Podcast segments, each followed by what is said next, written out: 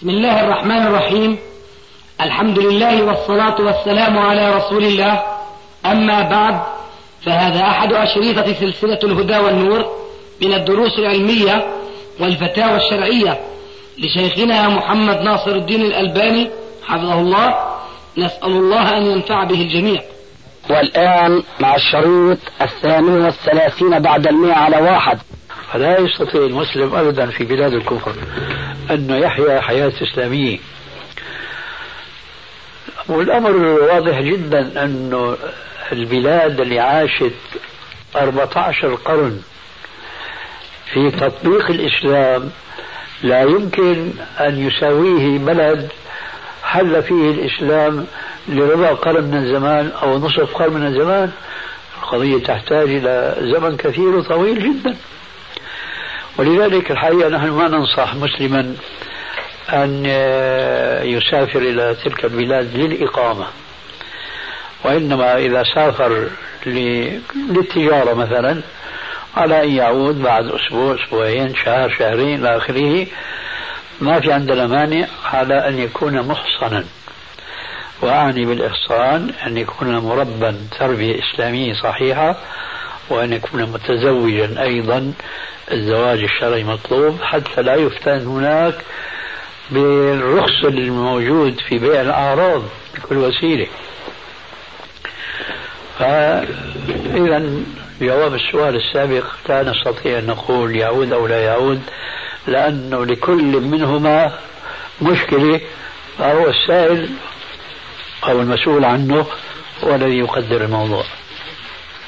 سيدي ما نسأل لأنه حتى وإن كان المجتمع الأمريكي الذي يعيش به ذلك الشخص مشابها أو حتى أقل ضرره أو تواجد هناك أقل ضرر من بلده الأصلي. بمعنى سامي عايش في لبنان. مفهوم سيدي كلامك بس بدنا ننظر أبو يحيى للعاقبة. يعني ولو أني قطعت كلامك بس في ظني مبين المكتوب من عنوانه.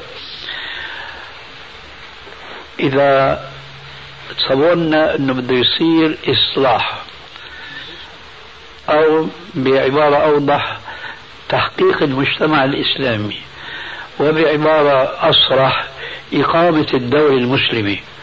شو بنتصور بيكون إقامة الدولة المسلمة في البلاد الإسلامية العريقة انتسابا للإسلام ولا هذه البلاد التي يهاجر إليها المسلمون؟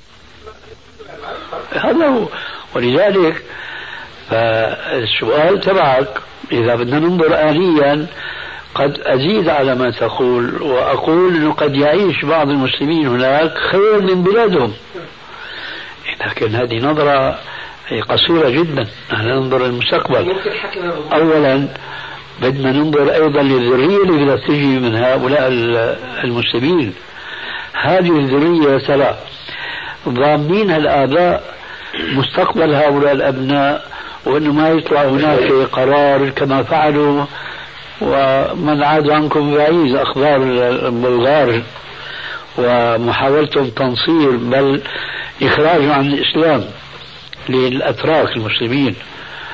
ولذلك قلت أكثر من مرة وسئلت شو حكم لحم البلغاري بتضايق من الأسئلة كثيرا في الآونة الأخيرة. وبصيح أحيانا بقول لساعدكم في المشكلة هذه. والبلغار عم يذبحوا الأتراك المسلمين ذبح النعاج. فأنتم بدكم تسألوا أن نعاجهم ذبحت بطريقة إسلامية ولا لا؟ يجوز أكله ولا لا؟ لو كانوا يذبحون على الطريقة الإسلامية حقا وجب على المسلمين يقاطعوا هذه الدولة وهي تفعل في إخوان المسلمين ما تفعل. آه. فما في عندنا ضمان يا أستاذ لما بيعيشوا المسلمون وبيتكتلوا أنا في الواقع بتساءل شو عاقبة المسلمين اللي بيقيموا في هذيك البلاد بالنسبة للمستقبل البعيد؟ ألا يمكن أن يصدر قرار بطرد هؤلاء وتهجيرهم؟ ما في ضمان طبعا. وقضية إنه والله بلاد آه، أمريكا بلاد آه، حرية ورفعت راية الحرية شايفين نحن إنه هذا حبر على ورق. وهو كلام صحيح. ولذلك بارك الله فيك يجب أن ننظر للمستقبل البعيد حتى المستقبل القريب شيخنا يعني الأطفال النشء هذول ما لهم مدارس هو هو في مدارس؟ ويتعلموا في مدارسهم يعني هذا ما أشرنا إليه إنه ضامنين الأولاد هذول ينشأوا مسلمين. ومن بلا شك في سيدي زي ما تفضلت أنه لا يوجد جواب واحد كافي لهذا السؤال لأن هذا السؤال يتشعب. أي نعم. يعني إذا كان الإنسان بوضعك أنت رايح أربع خمس سنين للدراسة ثم العمل أربع خمس سنين وبالتالي ما راح يكون في المدى القريب ذرية واولاد يخاف عليهم وهو الحقيقة ليش عم نسال؟ لأنه هم عايشين في أمريكا ضمن مجموعه اسلاميه وينتشروا في سبيل الله. والله سبحانه وتعالى من عليه لو في بيروت الكلمة الله ما يعني ما ييسر له ياخذ واحدة سلفية لكن في أمريكا تعرف على واحد ودلوا على أهل مرته فذهب فوجد جماعة سلفية وخطبها خلال أسبوع. يعني تتيسر هو لما قال إنه عايش في مجتمع اسلامي حقيقة هو مو عايش في مجتمع اسلامي لكن هو حاصر نفسه ضمن مجموعة نشط في سبيل الله. وهذا مؤقتا بيضبط نعم. فلا سيدي الشيخ. إنك تعيش وبذهنك إنه بالك عايش هناك فبالتالي راح يأتيك أولاد والأولاد بيتفرجوا في التلفزيون بتروح على المخبز يشتري من واحد يظل يعني بدك تعيش جو. فأنت لا يمكن تعيش جو إسلامي 100% في أمريكا. بس اللي لاحظته إنه لا شك منه آه، إن تطبيق العمل الإسلامي في أمريكا كان أسهل بكثير من تطبيق العمل الإسلامي هون خاصة في البيئة الموجودة فيها. آه مثال صغير. آه في أمريكا قضيه الاختلاط هذا شيء آه طبيعي يعني. طبيعي متيسرين عليه بالعكس حتى هناك لا يوجد اختلاط تماما آه بس يكون موجود أسرة مع بعضها هون إلا لا يصير آه، في اختلاط مهما كانت الظروف. قضية المصافحة مثلا. في أمريكا ممكن إنك ما تصافح آه، أي امرأة ولا بدون أي مشاكل. أنا بس نزلت على لبنان على بيروت وواجهت هاي المشاكل جدا في كثير من هذه فلاحظت إنه تطبيق العمل والدين الإسلامي في أمريكا كان اسهل بكثير جدا آه، من تطبيق العمل الإسلامي هون. صحيح بس في ملاحظة يا أخي.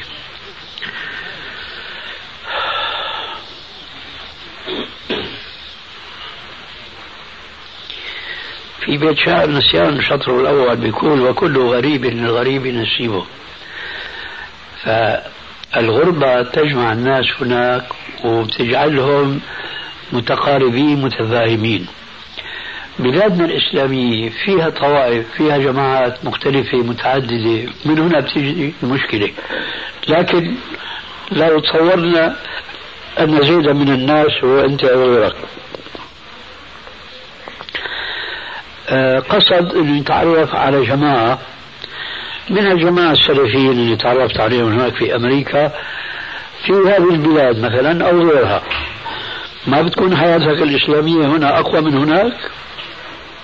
آه صح بس كمان آه، تيجي نفس المشاكل. هناك مثلا آه، ممكن تشوف أي شخص في الخارج يعرض عليك أو أي إمرأة اجنبيه تعرض عليك السلام تقول أنا ما اصافح يحترموك ويقدروك هناك جدا.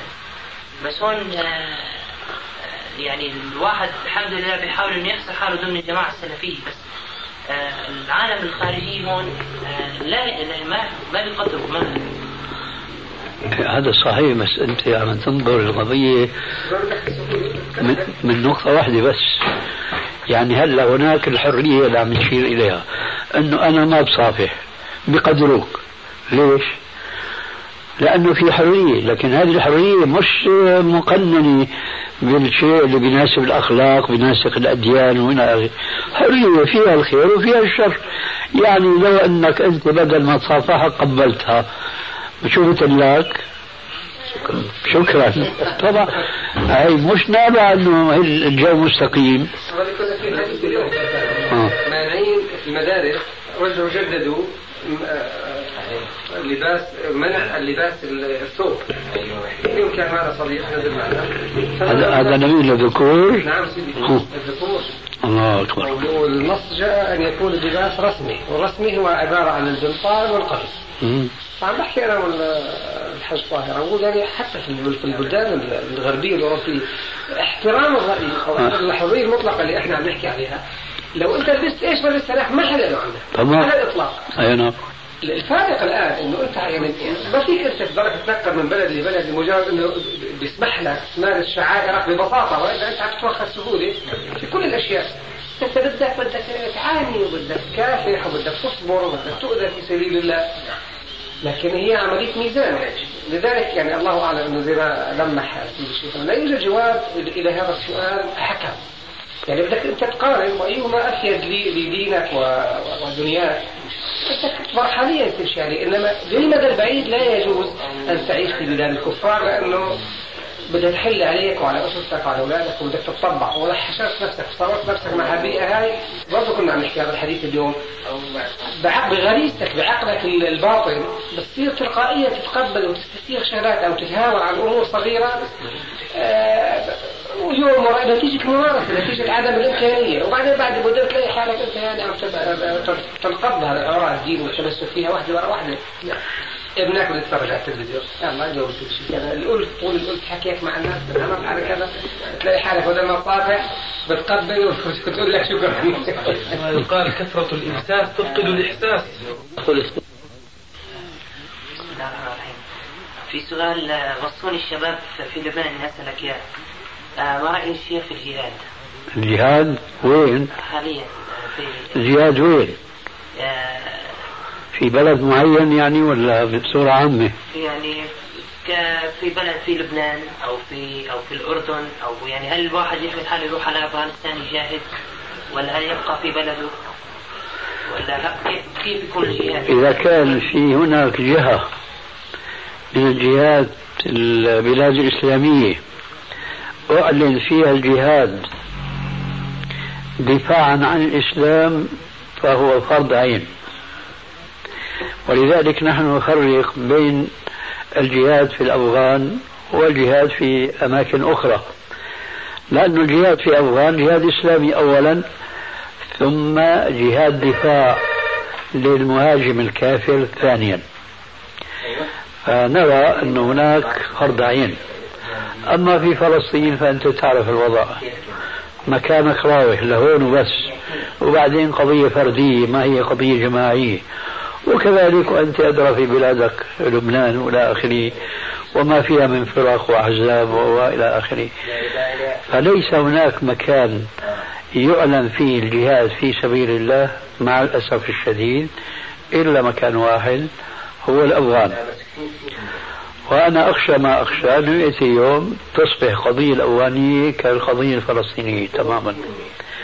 ولذلك أعتقد أنه يجب اهتبال الفرصة واغتنام الزمن قبل أن تأتي هذه المشكلة التي أشير إليها وأن يسافر كل شاب مسلم غيور على دينه ومستطيع لحمل السلاح وليس هناك عوائق سياسية ونحو ذلك مما يسقط عنه الواجب. فعليهم جميعا أن يسارعوا للجهاد هناك قبل أن يغلب الأفغانيون على أمرهم وعلى بلادهم طيب كيف ممكن الشخص إنه يجاهد في بلاده؟ مش ممكن ليش استثنينا الافغان عن سائر البلاد؟ يعني لو افترضنا في لبنان هلا كثرت المشاكل وكثرت الناس اللي صارين عم يحاربوا الإسلام منهم آه، الحبشيين الموجودين الآن في لبنان. أي نعم. خلال فترتي في الثلاث أسابيع القادمة آه، سمعت الكثير عنهم منهم عم بيدخلوا على المساجد حتى عم بي عم بيضربوا عم بيذبحوا عم في المسلمين موجودين في الجامع بغرض إنه الاستيلاء مع الجماعة في لبنان ومن جملتهم الحبشيه وأنت أنا أنا فهمت أكثر إنه كيف ما راحوا كيف ما إجوا بكفروا بهالعالم هناك. حبشيه كيف يعني؟ اتباع جماعة من جماعة عبد الله الحبشي. حبس لا هو شيخ هناك. حبس حبس شيخ من الحبش من هلرة. اسمه عبد الله الحبشي. كان في دمشق والتقينا معه. والله أعلم بنيته هو بلا شك يعني منحرف عن الإسلام حسب دعوتنا نحن. لكن يبدو أنه ممكن يكون مدسوس يعني باسم الإسلام للاضرار بالإسلام والمسلمين. أنا جوابي الآن بالنسبة لهذا السؤال انه واجبهم يدافعوا عن أنفسهم. واجبهم أن يدافعوا عن أنفسهم.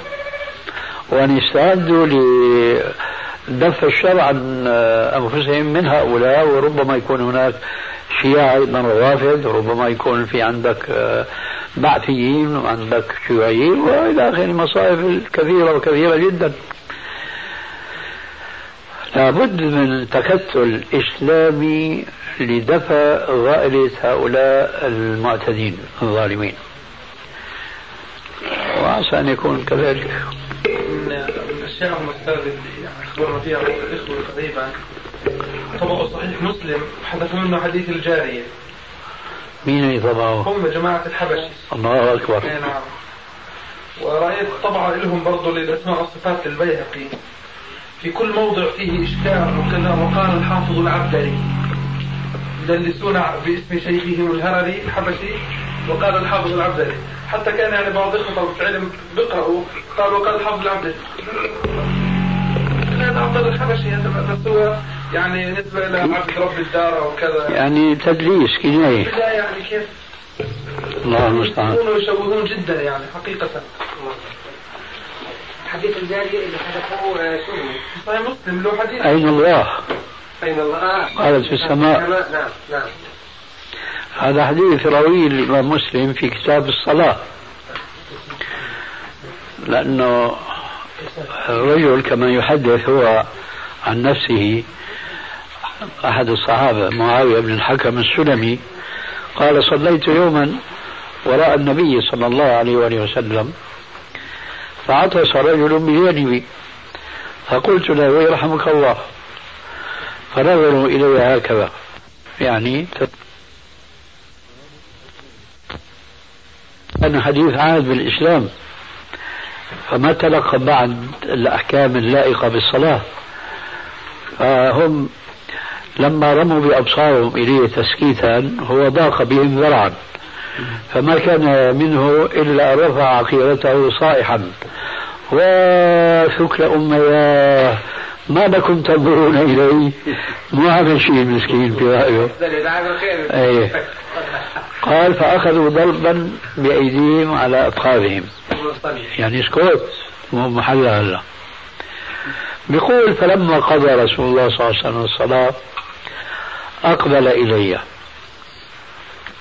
هون بقى بيصور أدب الرسول ولطفه وتواضعه. وكيف كان هو بعد ما انتبه لهالخطأ الكبير كيف الرسول يعاقبه ويعامله. وإذا وجد إيش العكس تماما. فيعبر عن هذه الحالة النفسية فيقول فلما قضى رسول الله صلى الله عليه وسلم الصلاة أقبل إلي. فوالله ما قهرني ولا كهرني ولا ضربني ولا شتمني.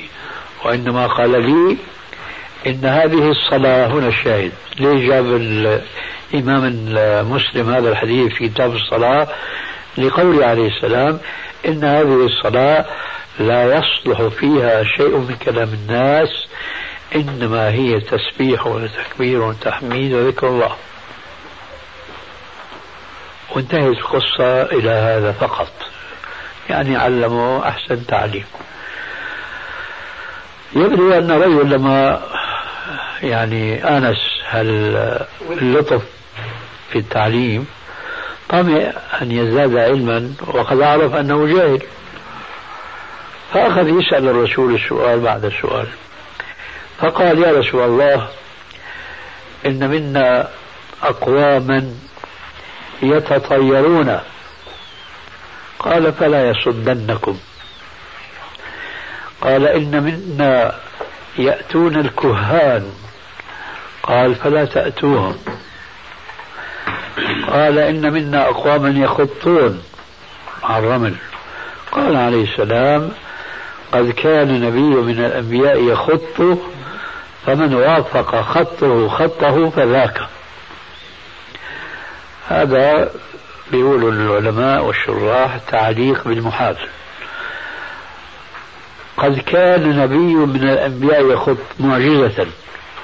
فمن وافق خطه خطه فذاك وآياته آيات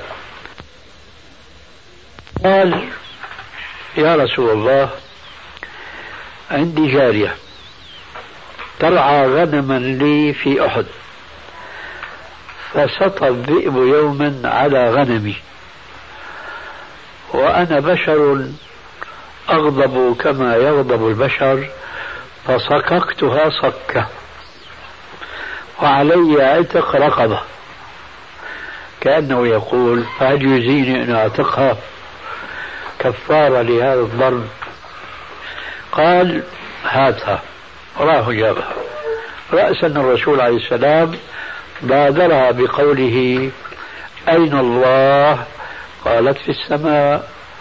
قال عليه السلام من أنا؟ قالت أنت رسول الله. فالتفت إلى سيدها وقال له اعتقها فإنها مؤمنة.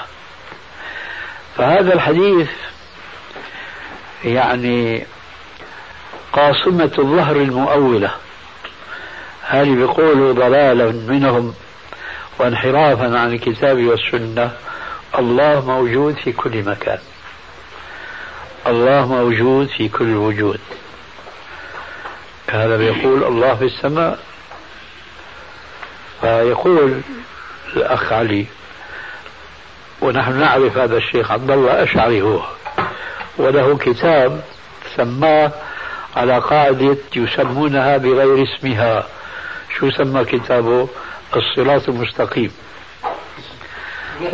وفيه انحراف كبير جدا عن الكتاب والسنة خاصة فيما يتعلق بالعقيدة بصورة عامة.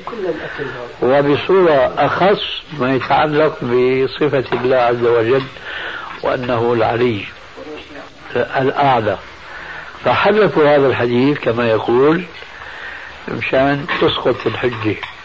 لكن هذه حماقة متناهية. شو السبب؟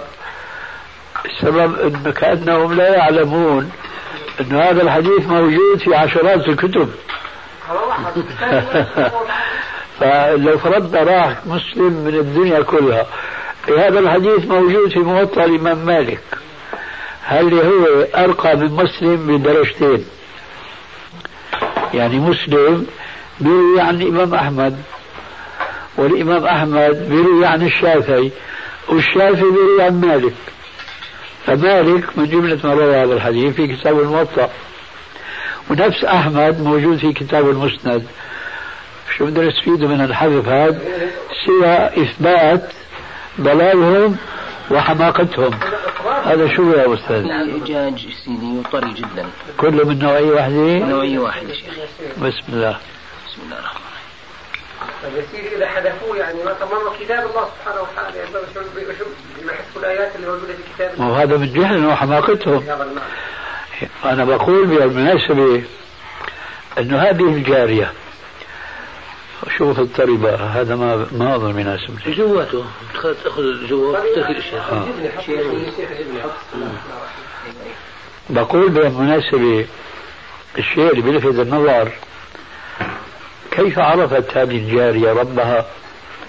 وأنه تعالى في السماء واليوم تسأل مشايخ الدنيا إلا من شاء الله وهم قلة. السؤال اللي وجهه الرسول عليه السلام إلى الجارية فما تسمع الجواب إلا الجواب المنحرف عن الكتاب والسنة. الله موجود في كل مكان. كيف أصابت الجارية وأخطأ هؤلاء المشايخ؟ الجارية هو بقى الموضوع عاشت في مجتمع إسلامي صافي. في مجتمع محمد عليه السلام هذا أصلا منه. فهي مع كونها أمية والله أعلم تلقت من سيدها من أولاد سيدها من جيرانها إلى آخره هذه العقيدة. فلما سئلت أجابت على الصواب. مو ضروري تكون أخذة شهادة دكتوراه. لكن اليوم اسأل دكاترة آخر الزمان ما تسمع هذا الجواب اللي بتسمعه من الجاري هذه؟ السبب؟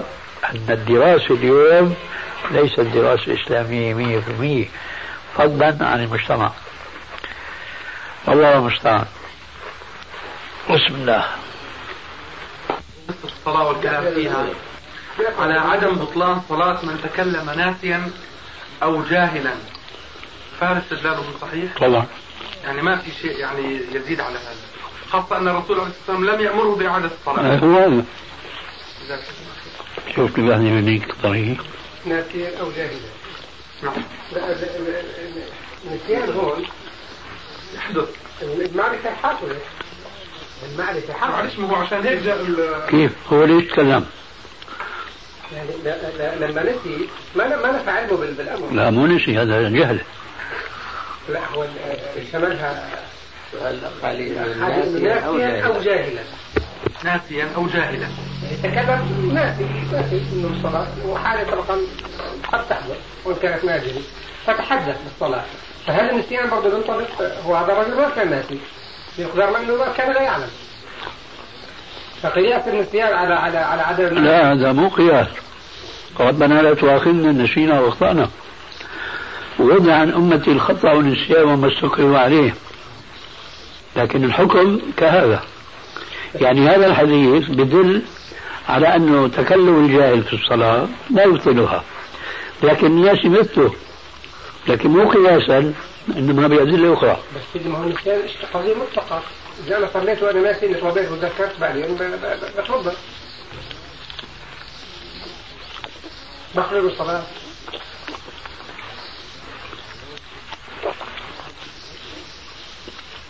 ببني. في فرق يا أبو يحيى.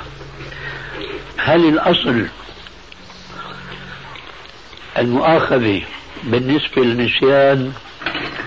المؤاخذة مش الأخروية لأن هي موضع اتفاق إنه لا مؤاخذة. لكن المقصود المؤاخذة الدنيوية.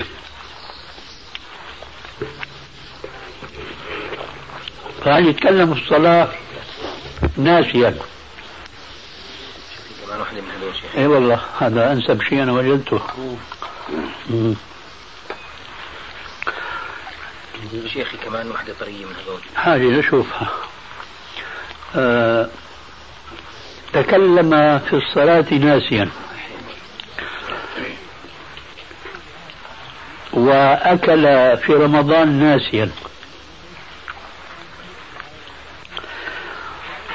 معروف لدى الجميع بالنسبة للمتكلم بالنسبة للآكل في رمضان ناسيا إنما أطعمه الله وسقاه. فهل بالنسبة للناس في الصلاة يعامل هذه المعاملة التي عمل بها الصائم في رمضان حيث أكل ناسيا فيقال لا بأس عليه؟ أم يقال بطلت صلاتك؟ هون في خلاف طويل بين العلماء الحنفية من جهة ومن وافقهم والشافعية من جهة أخرى ومن وافقهم. الحنفية بيفسروا حديث إن الله وضع عن أمتي الخطأ والنسيان وما استكرهوا عليه وضع مؤاخذة أخروية. الشوافعة وغيرهم بيقولوا لا النص مطلق. شو ثمرة الخلاف بين الطائفتين؟ الأحناف بيقولوا القاعدة أنه يؤاخذ في الدنيا ليس في الآخرة هذا أمر متفق عليه. الأصل أنه يؤاخذ في الدنيا إلا لنص الشوافة بيعكسوا بيقولوا الأصل أن لا يؤاخذ في الدنيا إلا لنص ولا شك أن أسعد الناس بالحق هم الشوافة هنا. ليه؟ لأن الأحناف ما في عندهم دليل يؤيد هذا الأصل وهو أن الأصل أن يؤاخذ في الدنيا. إلا إذا جاء نص خلاف هذا الأصل فلا يؤاخذ. وهن بيلتقوا مع الشافعية في موضوع الصيام الذي أفطر ناسيا. بيقولوا نحن هون ما بنتكلم في نص خاص بنقول إنه صيام صحيح. لكن فيما ليس فيه نص الأصل عندهم المؤاخذة.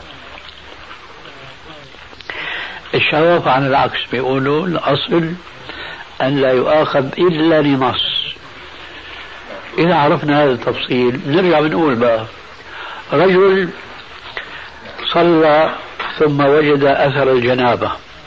جاهلا ناسيا ماذا يفعل؟ يعيد الصلاة ولا لا؟ إذا طبقنا قاعدة الأحناف ما بدأ وقفه. إذا طبقنا قاعدة الشوافعة ما بنعيد الصلاة إلا لنص فهل وجد النص؟ نقول نحن نعم وجد النص لأنه عمر الخطاب في خلافته صلى بالناس صلاة الفجر ثم وجد في ثوبه أثر الاحتلام فقال كلمة معناها أنه ابتلينا بأكل الشحم وظاهر الشحم يعمل يعني شهوة أو بكثر الماء أو ما شابه ذلك. فهو اغتسل وعاد الصلاة ولم يأمر الناس أن يعيدوا الصلاة. إذا هذه مستثناة من القاعدة حسب المذهب الشافعي. ماشي مع القاعدة حسب المذهب الحنفي. شايف كيف؟ نرجع بقى لهذا الناس يتكلم في الصلاة ناسيا. فهنا حسب القاعدة اللي بيتبناها الفقيه. إن كان يتبنى قاعدة الشافعية بيقول صلاة صحيحة. إن كان بيتبنى قاعدة الأحناف بيقول صلاة باطلة. لأنه ما في نص خاص يصحح أو نص خاص يبطل. إنما المسألة رجوع للقواعد الشاهد من هذا كله لا يرد هنا إذا الإنسان صلى كذا فما بيعيد صلاة أو بيبني أو ما شابه ذلك. لأنه قضية قضية تبني قاعدة. إن تبنينا قاعدة قوله عليه السلام على الإطلاق ووضع عن أمتي الخطأ والنسيان فنحن نقول هذا الذي تكلم في الصلاة ناسيا. هذا لا إعادة عليه لأنه مرفوع عنه المؤاخذة بالقاعدة بالحديث.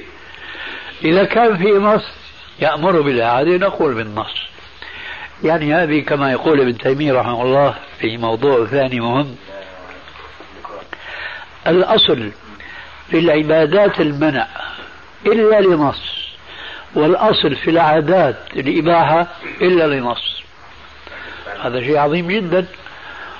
وعلى ذلك الشريعة تقوم على القواعد ثم على جزئيات. هذه الجزئيات إما أن تلتقي مع القاعدة فنعم هو وإما أن تختلف فتستثنى هذه الجزئيات من القاعدة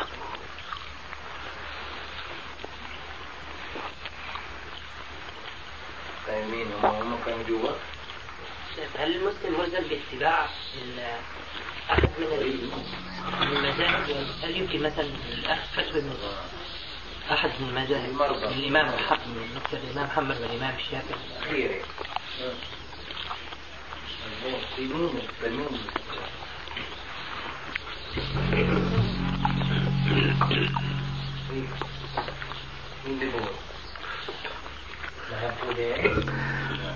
المسألة تختلف جدا بين شخص وآخر. بين مثلا يكون في سؤالك المسلم تقصد الجاهل العامي بين تقصد العالم؟ دكتور يعني يعني آخر شهادة دكتوراه. يختلف الجواب.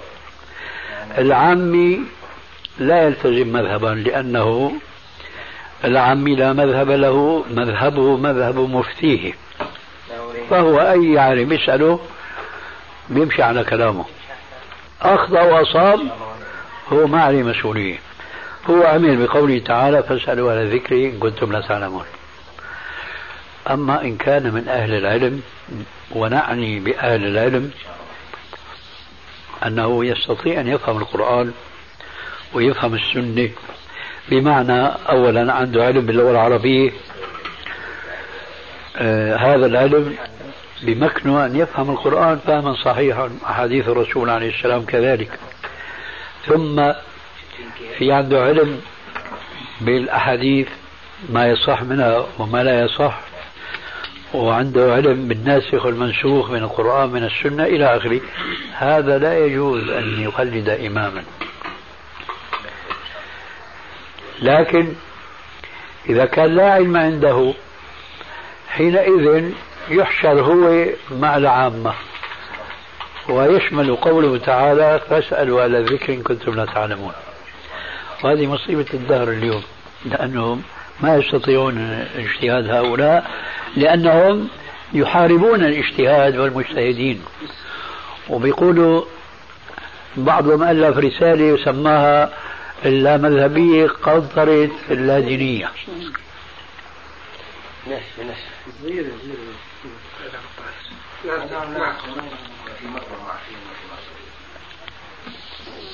أخذت الجواب؟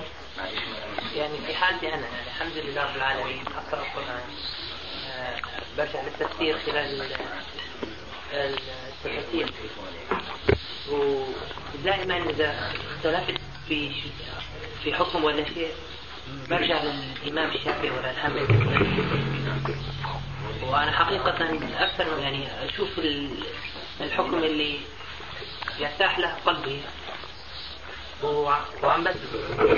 هل هذا الشيء يجوز ولا لا؟ يعني وخاصة يعني مش عم عم عم بنظر له مش من ناحية التسهيل بالعكس.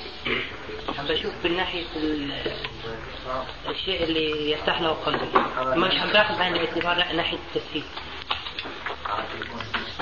والله صعب الجواب عن هذا لأنه أنت بلا مؤاخذة هل توفرت الشروط اللي ذكرتها لك آنفا؟ أنا عندي هذه المشكلة أربع مذاهب اتبع مذهب ولا ما اتبع مذهب؟ اتبع مذهب ما توفرت فينا إذا عندك جو علمي زي ما تعرف لي أنا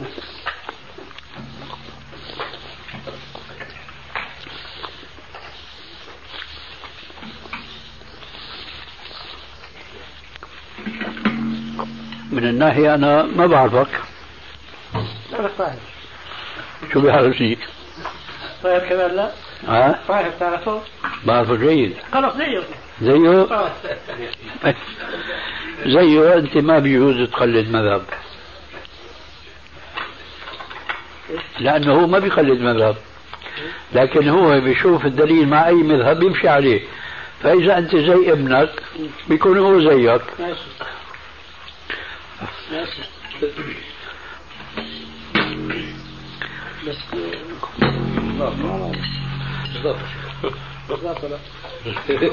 إذا الأولانية مو ظابطة وهي قولك أنت مثل ابنك. يضبطني أنت. نمشي على الحنفي 60 سنة. حتى بدرس المذاهب الأربعة كلها حتى ألاقي أي مذهب أضبط من الثاني؟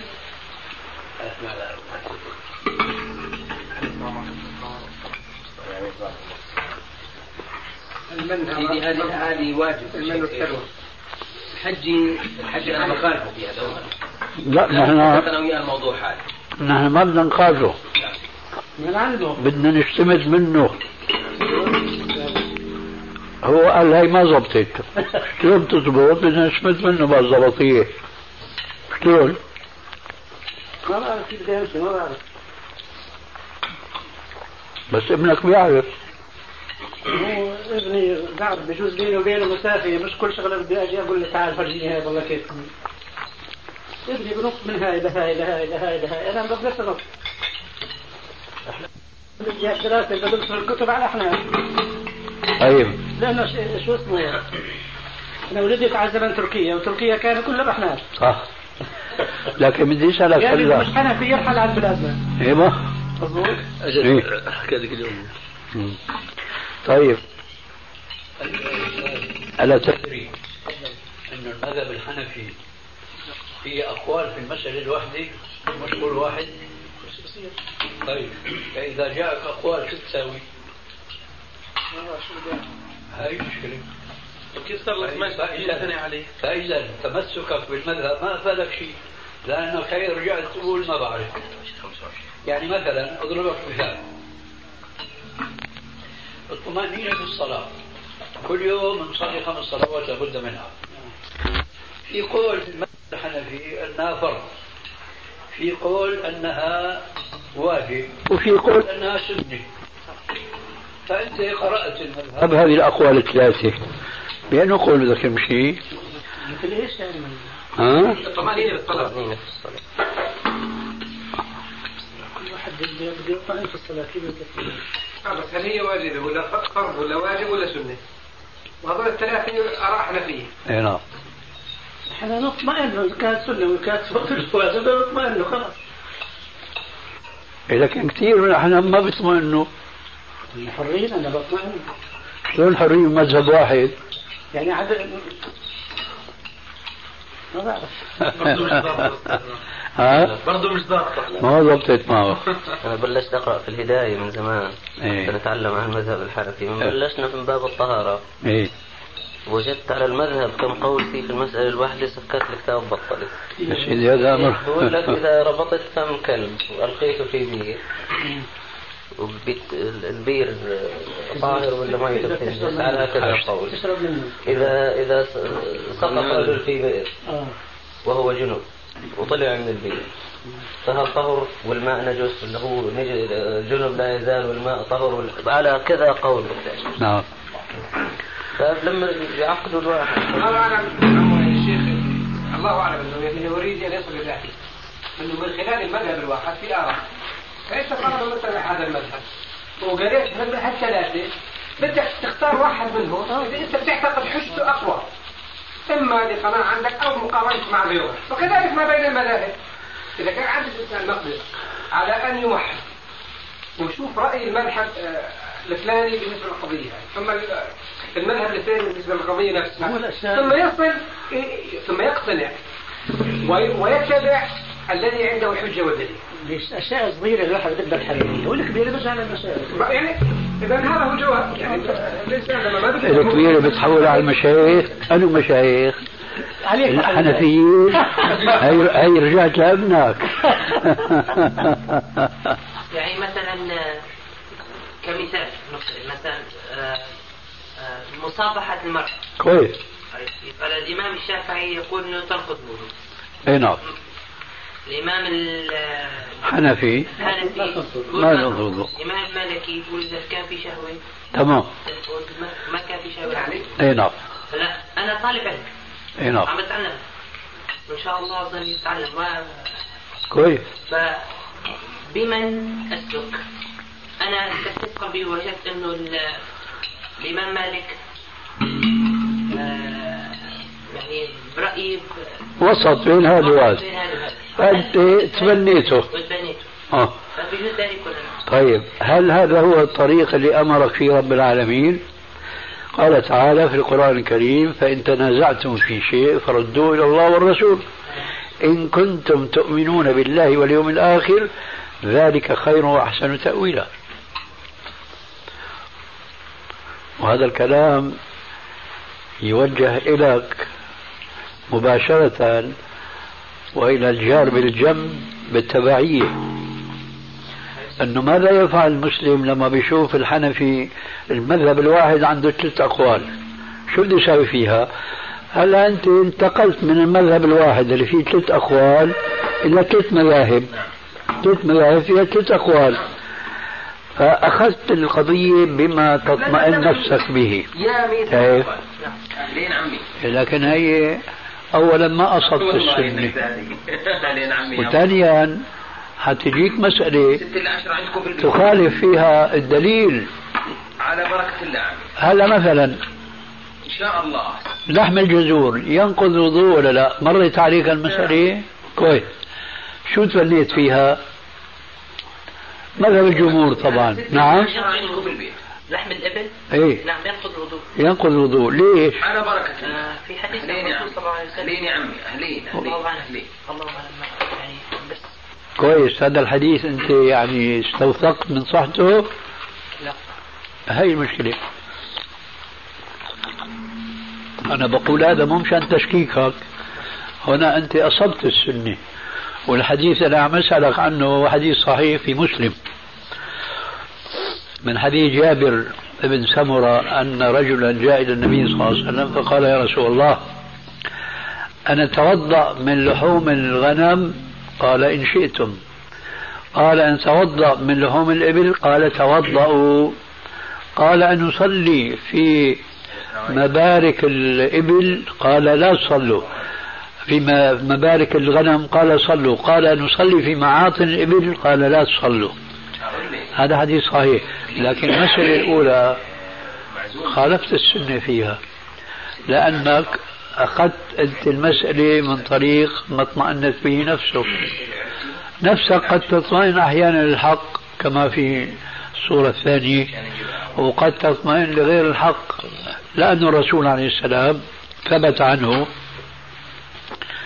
أنه كان يقبل السيدة عائشة ويقوم من الصلاة ولا يتوضأ. شو رأيك تقبيل في شهوة ولا ما في شهوة؟ مرته يعني مرته ما عليه شيء يعني يعني بطل يشتهي هذا خلاف خلاف مذهبك خلاف مذهبك هو من بس دي الاشياء قلت هون أبو الطاهر. يعني طلع منه شيء الحقيقة عبر عن هذا. ولا وبالنسبه له خلص مرات ما عاد في جاوب عم تحكي عن تجربته سنين لكن هو على كل حال لا يوافق شن طبقة وافقه فعنق هذا مذهبه إيه مذهب الاحناف هيك لذلك طلع كلمته بكل شجاعة إنه هي مرته. لكن الشافعية ما بيقولوا هيك. لا كثير قريت أنا عن الرسول صلى الله عليه وسلم كانت قبل العيش قريت طيب ما قريت إنه الرسول أمر بالوضوء من لحم الإبل؟ لا ناسي. ها هي ناسيها. طبعا هي ما بتناسبك فناسيها. شيخ أذكر إنه بالنسبة للاحناف مرة ذكر إنه بطل الوضوء هو؟ لمس المرأة. احناف؟ آه. لا بدون شوافة شوف آه.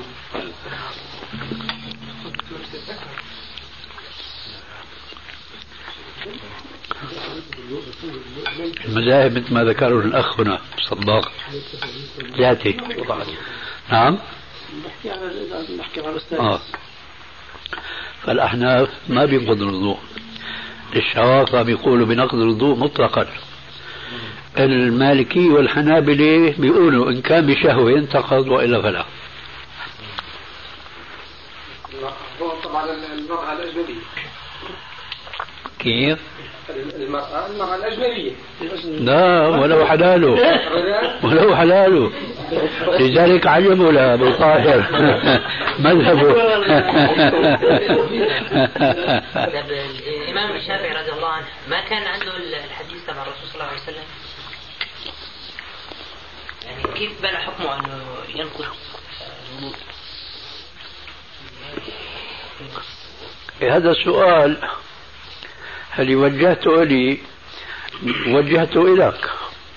ليش خالفت الإمام الشافعي وقلت إن كان في شهوة بنتقد وإلا فلا؟ ما كان عنده علم الإمام الشافعي؟ ليش خالفته؟ هاي المشكلة. نحن بنسأل سؤال هلا بناء على ذاك السؤال لنصل إلى الجواب عنه. هل تعتقد أنت أن الإمام الشافعي أحاط بكل شيء علما؟ طبعا جواب لا. منضيق شوي بقى السؤال. أحاط بكل حديث علما؟ كمان لا مع أنه وين كل شيء. الله أكبر. كبير واسع كثير. الآن ذكرناها تماما.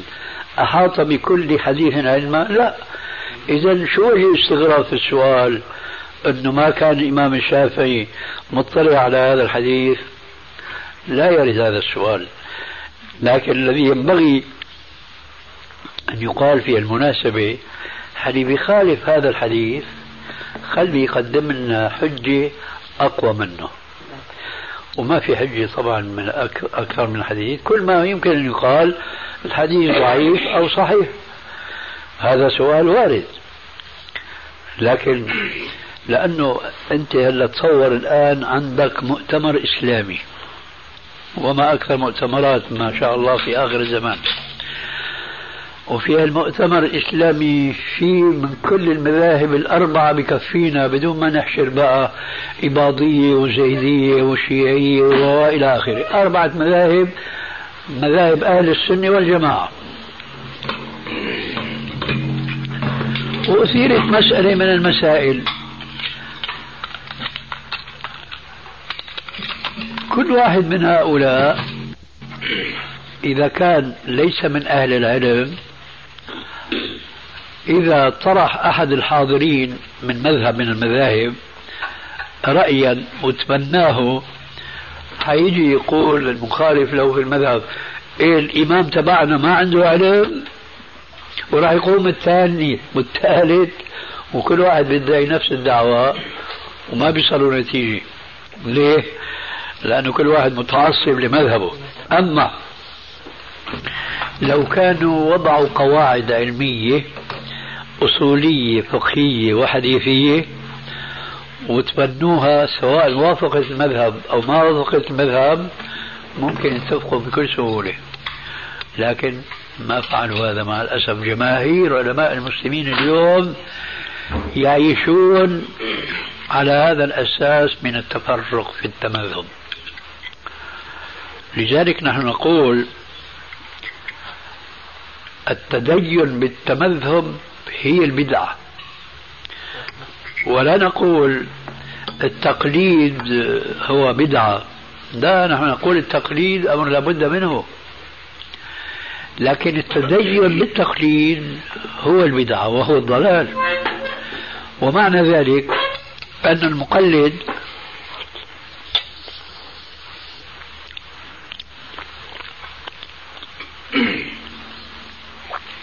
إذا قيل له قال الله قال رسول الله. أعرض ونأى بجانبه. قال له قال الشيخ قال الإمام خلاص. هذا قلب للحقيقة الشرعية. وتقليد للنصارى الذين نزل في حقهم قوله تعالى اتخذوا أحبارهم ورهبانهم أربابا من دون الله. الحقيقة مشكلة عويصة جدا لأنه كان المفروض المذهب السلفي يستمر أثره إلى هذا الزمان. المذهب السلفي مين بيمثله؟ القرن الأول. خير الناس قرني ثم الذين لهم. القرن الأول يا ترى كان في علماء مثل الأئمة الأربعة ولا لا؟ بلا شك في علماء. لكن ما كان في مقلدين لهؤلاء العلماء. فالواحد قد يسأل من يسر له من هؤلاء العلماء. فما في يومئذ بكري ولا في عمري ولا في عثماني ولا في علوي ولا في سعودي ابن مسعود ولا آخره. فلان عالم عرض له سؤال بيسأله. مرة ثانية عرض له سؤال ثاني. كسر له عالم ثاني بيسأله. ما بيقول لا أنا ما بسأل غير أبو بكر. وذاك ما بيقول أنا ما بسأل غير عمر إلى آخره. هالنمط من الحياة العلمية اللي عاشوها هؤلاء السلف كان المفروض أنه يتوارثها الخلف عن السلف. لكن مع الأسف انقطعت هذه الطريقة من الاتباع للعلماء دون تعصب لواحد منهم من القرن الثاني تقريبا حيث صار لهؤلاء الأئمة الأربع أتباع يتعصب كل طائفة منهم لإمامهم. ثم صار دينا. وصار واجب على كل مسلم أنه يتخذ مذهب وإلا بيضيع تعرف ليش بيضيع؟ لأنه هذول كل العلماء اللي كانوا يسألوهم كانوا هداة نور. كانوا هن اللي بيهدوا سبيل الجاهلين. هالنوعية لم يبقى. ما بقى غير فلان حنفي فلان شافعي. بده يضطر عامة الناس إنه يسألوا هؤلاء. بينما لو كان في جو علمي بيسأل زيد بيسأل بكر بيسأل عمر إذا شك في شيء بيقول له شو الدليل آية حديث إلى آخره. إيه هذا النمط مفقود اليوم من العالم الإسلامي مع الأسف. إلا ما ندر وفي ظني في أمريكا قد يوجد النوعية من طلاب لكن لا يوجد من النوعية علماء. لأن العلماء في البلاد موجودين. وشو راح يجيبون هني؟ أعطينا طالما فتحت. خير القرون قرني. كيف؟ خير القرون قرني. كلمة قرن المختلف فيها في, في, في تأويلها. أرجع والدليل شيخ. لا هي قضية ما في عليها دليل. هي هي لغة. منهم من يقول سنة من هذا 100 سنة منهم من يقول سبعين وهكذا. ما في دليل مرجح. لكن يعني ماشيين عليه العلماء. القرن هو المئة سنة.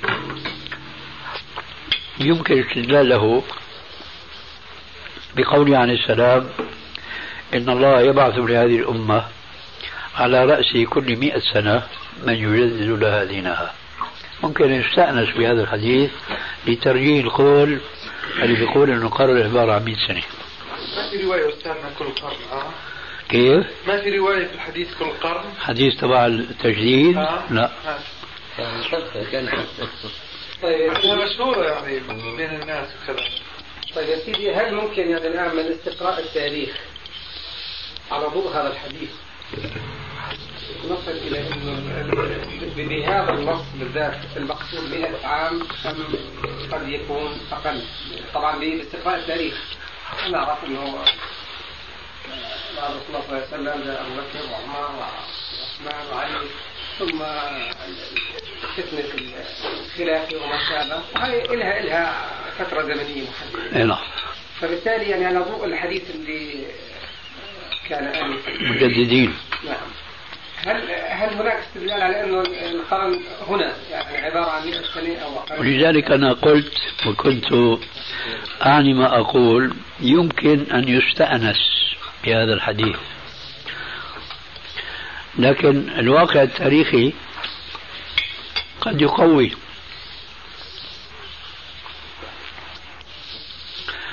لأن بعض العلماء تتبعوا فوجدوا في القرن الأول المجدد عمر بن عبد العزيز وكان في حدود المئة سنة. القرن الثاني ذكروا الإمام الشافعي. وما أذكر الله تفاصيل بقى التسلسل في كل قرن في ذكروا في مجددين. وبعضهم ذكر شيء مهم الحقيقة. لا بس بدي امسح. مشان السنة يعني بس. آه لأنه يتبادل لأذان الناس عامة. أن المقصود بالمجددين في الدين فقط. بينما المسألة أوسع من ذلك. فقد يكون مجدد في الدين. قد يكون مجدد يعني في كل قرن. مجدد في الدين مجدد في الجهاد مجدد, مجدد, في الاقتصاد مجدد في النظام العسكري حسب الزمان يعني إلى آخره. ولذلك فلا ينبغي أن نتصور أنه في القرن الواحد في مجدد واحد. أي نعم. هذا ذكروه لما شرحوا الحديث وهذه ناحية كثير مهمة. أستاذي طيب لفظ الحديث من يجدد لهذه الأمة دينها. ذلك من تمام الدين بارك الله فيك. ها؟ يعني من هذا الباب. يعني- مش من النص ال- لا. اللفظ يعني. لا. لأنه هذا مثلا طريقة الجهاد في هذا الزمان. هل هي طريقة جهاد في ذاك الزمان؟ طبعا ج- لا.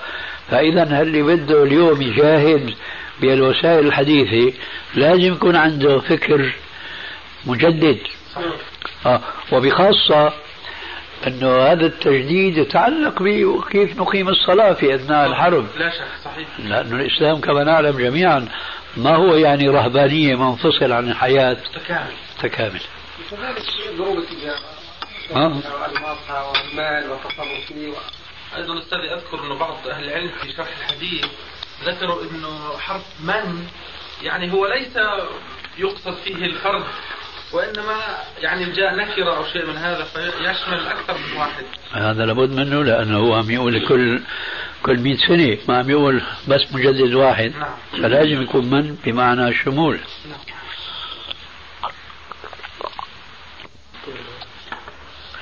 أكل طعامك أبرار وصلت عليكم ملائكة وأفطر عندكم الصائمون. على تتمة الكلام في الشريط التالي.